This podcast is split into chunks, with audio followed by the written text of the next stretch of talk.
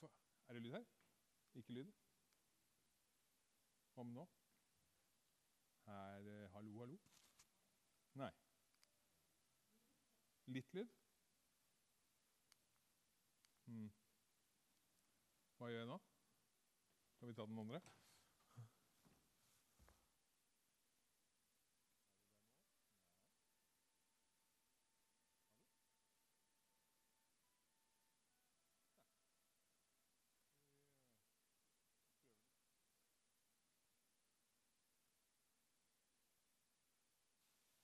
Yes. Her var det lyd. Ja. Her blir det liv! Ja. Veldig sånn, Den går på automatikk, vet du. Veldig bra. Her blir det liv, vet du. Jeg skal la Rai Rai ligge, men, men eh, for det, det vet jeg ikke hva det betyr engang. Men uh, her blir det liv. Det er jo uh, på en måte en annen måte å si 'endelig vår' på, er det ikke det? Uh, jeg skal snakke litt om liv, og om hvor det kommer fra. Og da har jeg tenkt å begynne med å ta dere med på en liten tur. Tenk deg en lys og ganske mild vårdag. Du er på vandring sammen med en gjeng med venner. Så stopper du opp, lukker øynene og snuser inn den deilige vårdufta. Og Så hører du at skrittene rundt deg begynner å sakne av, og til slutt så stanser de. Og Så åpner du øynene, og så ser du at vennene dine har stoppa i utkanten av en liten åkerlapp. Så hører du en varm og trygg stemme som du har hørt mye i det siste. Og som du er blitt veldig glad i. Si Det var ikke han. Nå var det noe gærent her.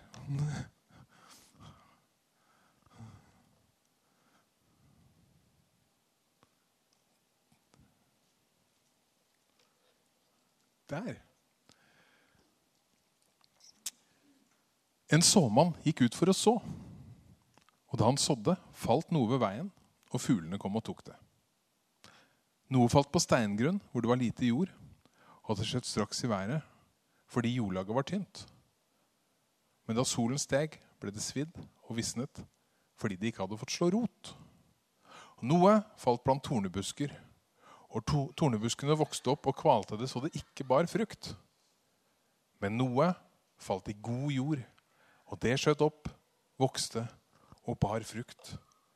30, 60, ja 100 ganger det som ble sådd. Du hører hva Jesus, mannen som har tatt dere med på vandringa, sier. Men ingen av dere som står der, er helt sikre på hvor han vil med det der. Dere vet jo allerede at så man, så høster man på høsten. Sånn helt konkret, altså. Men når Jesus snakker, så vil han gjerne noe mer. Han har større perspektiver. Og han ser forvirringa i ansiktene til de som står rundt den. Og så fortsetter han å si, 'Den som har ører å høre med, hør.' Når dere ikke forstår denne lignelsen, hvordan skal dere forstå noen annen lignelse? Så forklarer han. Såmannen sår ordet. De ved veien er slike som ordet blir sådd i. Mens når de har hørt det, kommer straks Satan og tar bort ordet som blir sådd i dem. På samme måte er det med dem som blir sådd på steingrunn. Det er de som straks tar imot ordet med glede når de får høre det. Men de har ingen rot og holder bare ut en tid. Når de møter motgang eller forfølgelse for ordets skyld, så faller de straks fra. Andre igjen er de som blir sådd blant tornebusker. De hører ordet, men dette livets bekymringer, rikdommens bedrag og lysten på alle ting kommer inn og kveler ordet, så det ikke bærer frukt. Men de som ble sådd i den gode jorden, det er de som hører ordet, tar imot det og bærer frukt. 30, 60, ja 100 ganger det som blir sådd. Du står der, tankefull, som så ofte etter at du har hørt Jesus snakke. Så langsomt går det opp for deg. Guds ord, det du akkurat har hørt, det er som et frø Som et lite frø som har liv i seg. Guds ord er levende. Og som alt annet som lever, så trenger det gode vekstvilkår for å vokse opp og for å bære frukt. Og du forstår plutselig at ordet er sådd i deg, og at det kan vokse til å bli noe stort. Sånn kan det ha vært å være en av disiplene til Jesus når han gikk på jorda. Høre en av de mange talene. Jesus er fortsatt til stede på jorda. Og nå er det vi som er disiplene. Og det er vi som får høre og lese hans taler og hans ord. Jeg antok at dette skjedde om våren, fordi Jesus bruker ofte de situasjonene de går inn i, og de omgivelsene de lever i, og det som er kjent for folk rundt den, til å fortelle. Derfor så jeg for meg at dette kunne ha skjedd mens de så noen som gikk og sådde. På våren. Jeg syns våren er utrolig deilig, og den er i hvert fall ikke elendig. Benjamin. Uh, og denne, denne preken her er også skyfri, altså. Uh, jeg syns våren er nydelig. Jeg syns lyden av vann som sildrer fra taket når snøen smelter, er den fineste lyden som fins. Og jeg syns det er helt nydelig da, når uh, pjokken hjemme kommer hjem med en liten hestehov tulla inn i vått papir oppi matboksen. Deilig med vår, altså. Um, og jeg tenker at jeg skal snakke litt om mirakelet våren. Livet som våkner etter å ha ligget på is en stund. Men jeg skal ikke bi meg ut på en lang utlegning av den lignelsen Jesus fortalte, for den forklarte han jo sjøl. Og han er bedre enn meg til det. Eh, men vi skjønner jo umiddelbart når vi leser dette, at poenget er at ordet og frøet må bli sådd i god jord. Ikke for grunn jord. Ikke et sted hvor det ikke slår rot. Og jeg tror de fleste her har hatt tid til å la ordet slå rot i livet. Det kan hende du er her som ikke har gjort det. Som ikke har tatt imot Jesus og latt Guds ord begynne å spire i livet ditt. Da har jeg lyst til å si det burde du prøve. For det er bra. Og det er det du er skapt til. Du er skapt til fellesskap med Gud. Så hvis du ikke har prøvd det, så snakk med meg. Snakk med noen andre etterpå. Det vil jeg invitere til. Men jeg vet for veldig mange her så har de levd med Jesus en stund og latt ordet få lov å spire.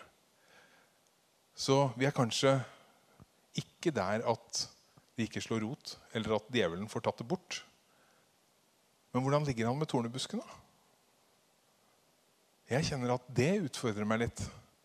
For jeg lever under konstant påvirkning fra ting som kanskje ikke trenger min oppmerksomhet.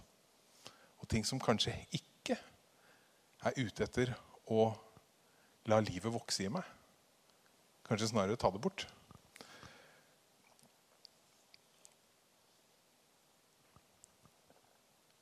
Kanskje hindrer jeg vet, ikke, jeg, vet hva, jeg vet hva som kanskje hindrer frukt i mitt liv. Jeg vet at det er ting som burde vært luka bort. Og du vet kanskje hva det er som hindrer frukt, for livet er der. Livet har Gud skapt. Men det kan bli større og større, for det vokser hele tida.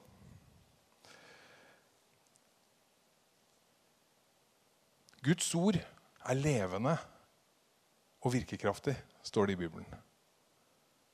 Det er det ordet som satte alt i gang. Tenk på det. Når Gud sa 'bli lys', han skapte ved sitt ord. Så ordet til Gud, det skaper. Og så er det mange som grunner på dette ordet.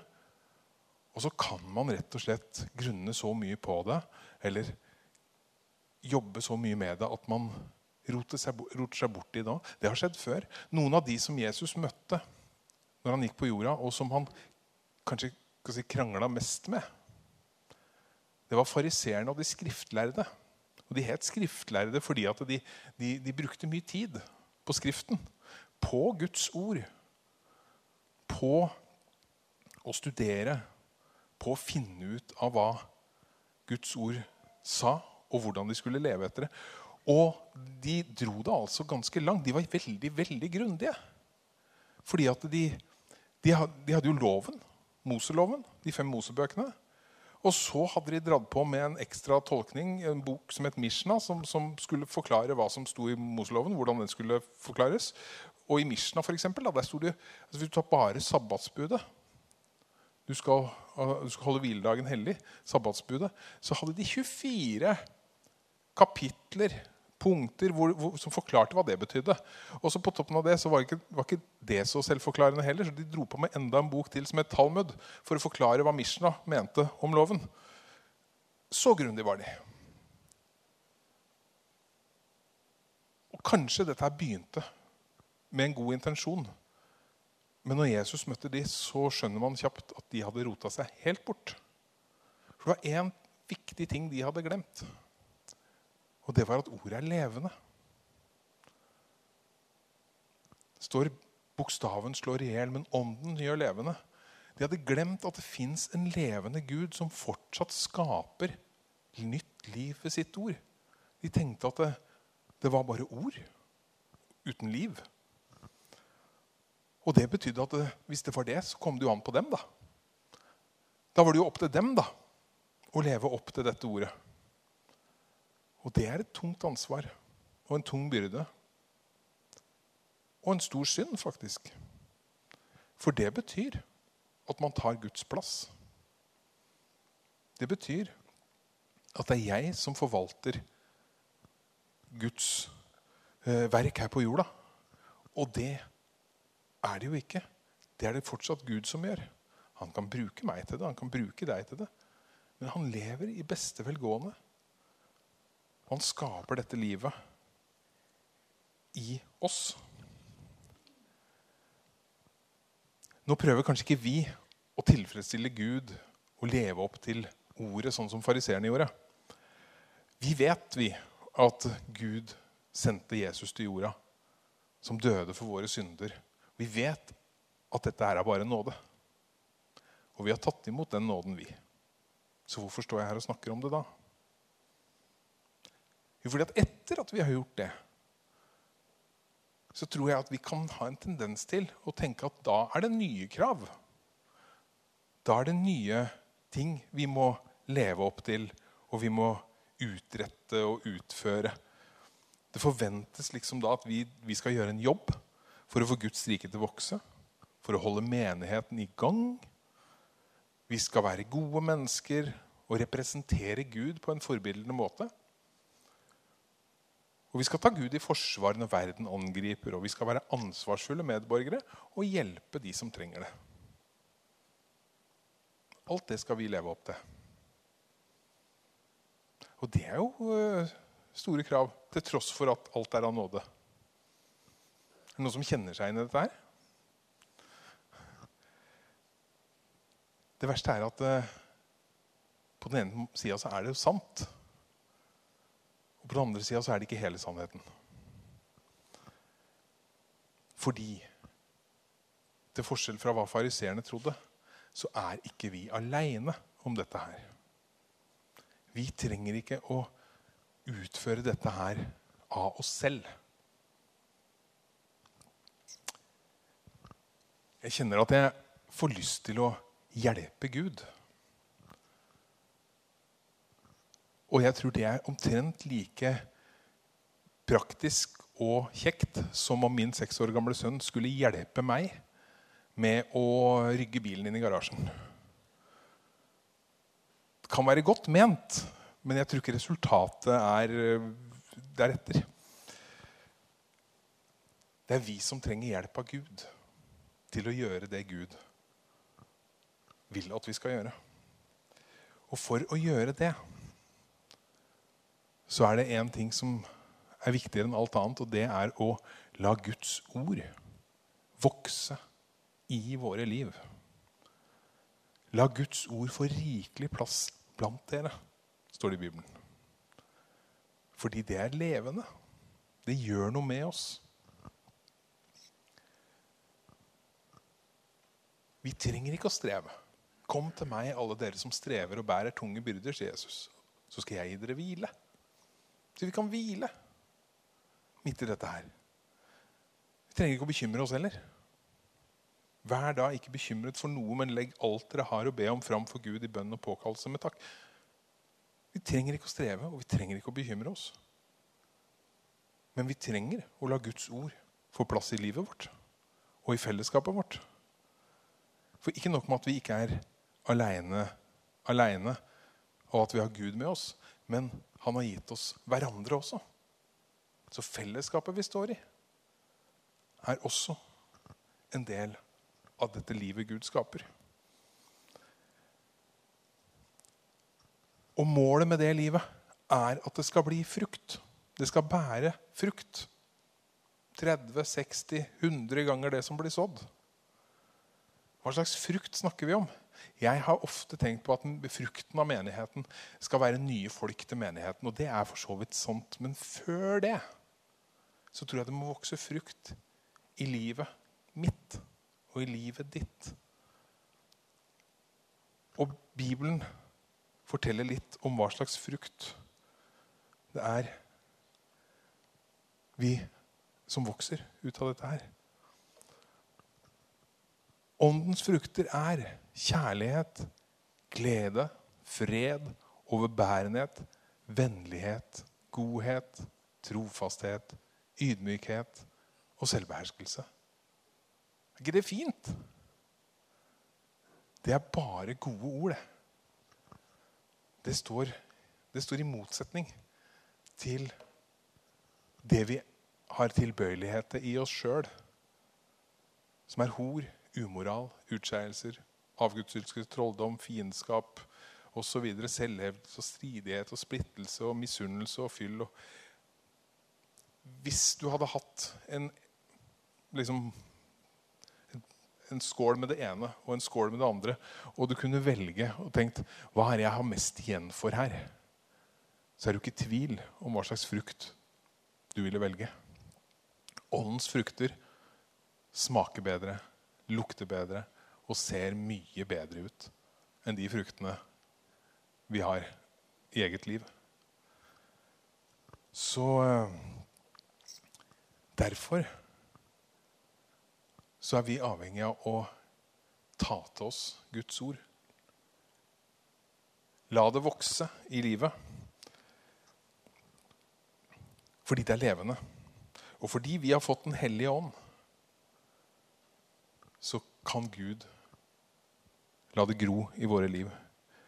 Og den frukten, gleden, freden, overbærenheten og vennligheten og godheten, det er den andre mennesker vil møte hos oss når vi lever ute i den verden vi er satt i.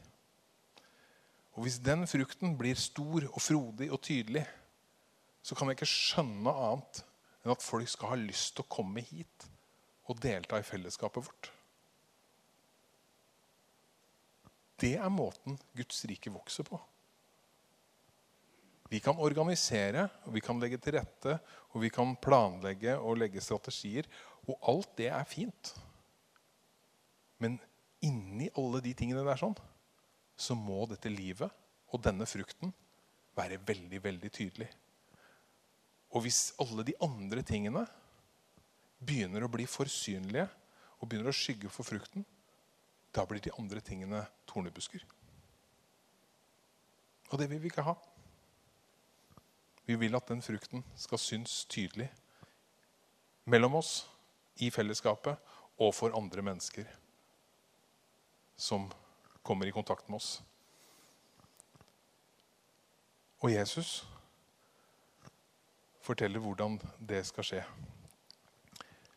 Fordi på en varm dag, kanskje varmere enn normalt på årstida Sola står høyt på himmelen, og du sitter igjen sammen med vennene dine i skyggen av en velvoksen vinranke. Dere aner at noe snart kommer til å hende med Jesus. Men dere vet ikke hva. Stemningen i flokken er litt spent. Og plutselig så hever Jesus stemmen. Så sier han, 'Jeg er det sanne vintre, og min far er vinbonden.' 'Og hver grein på meg som ikke bærer frukt, tar han bort.' 'Hver grein som bærer frukt, renser han så den skal bære mer.' Dere er alt rene på grunn av det ordet jeg har talt til dere. Bli i meg, så blir jeg i dere. Slik som greinene ikke kan bære frukt av seg selv, men bare hvis det blir på vintreet. Slik kan heller ikke dere bære frukt hvis ikke dere blir i meg. Jeg er vintreet, og dere er greinene. Og den som blir i meg, og jeg i ham, bærer mye frukt. For uten meg kan dere ingenting gjøre. Den som ikke blir i meg, blir kastet utenfor som en grein og visner. Og greinene blir samlet sammen og kastet på ilden, og de brenner. Hvis dere blir i meg, og mine ord blir i dere, be da om hva dere vil, og dere skal få det. For ved dette blir min far æret, at dere bærer mye frukt og blir mine disipler. Amen. Kjære Herre, takker deg for at du skaper liv. Takker deg for våren. Takker deg for at vi kan ta til oss av ditt ord og la det vokse i livet våre. Må du hjelpe oss så ikke tornebuskene skygger for mye. Må du hjelpe oss til å strekke oss mot lyset og til å hente næring der den er å finne. Ber deg for menigheten vår og for hver enkelt som er her. At du må velsigne og la livet få vokse og bære frukt. Sånn at nye mennesker kan se hvor fantastisk du er. Og at vi kan leve i det tette fellesskapet og det gode livet med deg som du har gitt oss. Amen.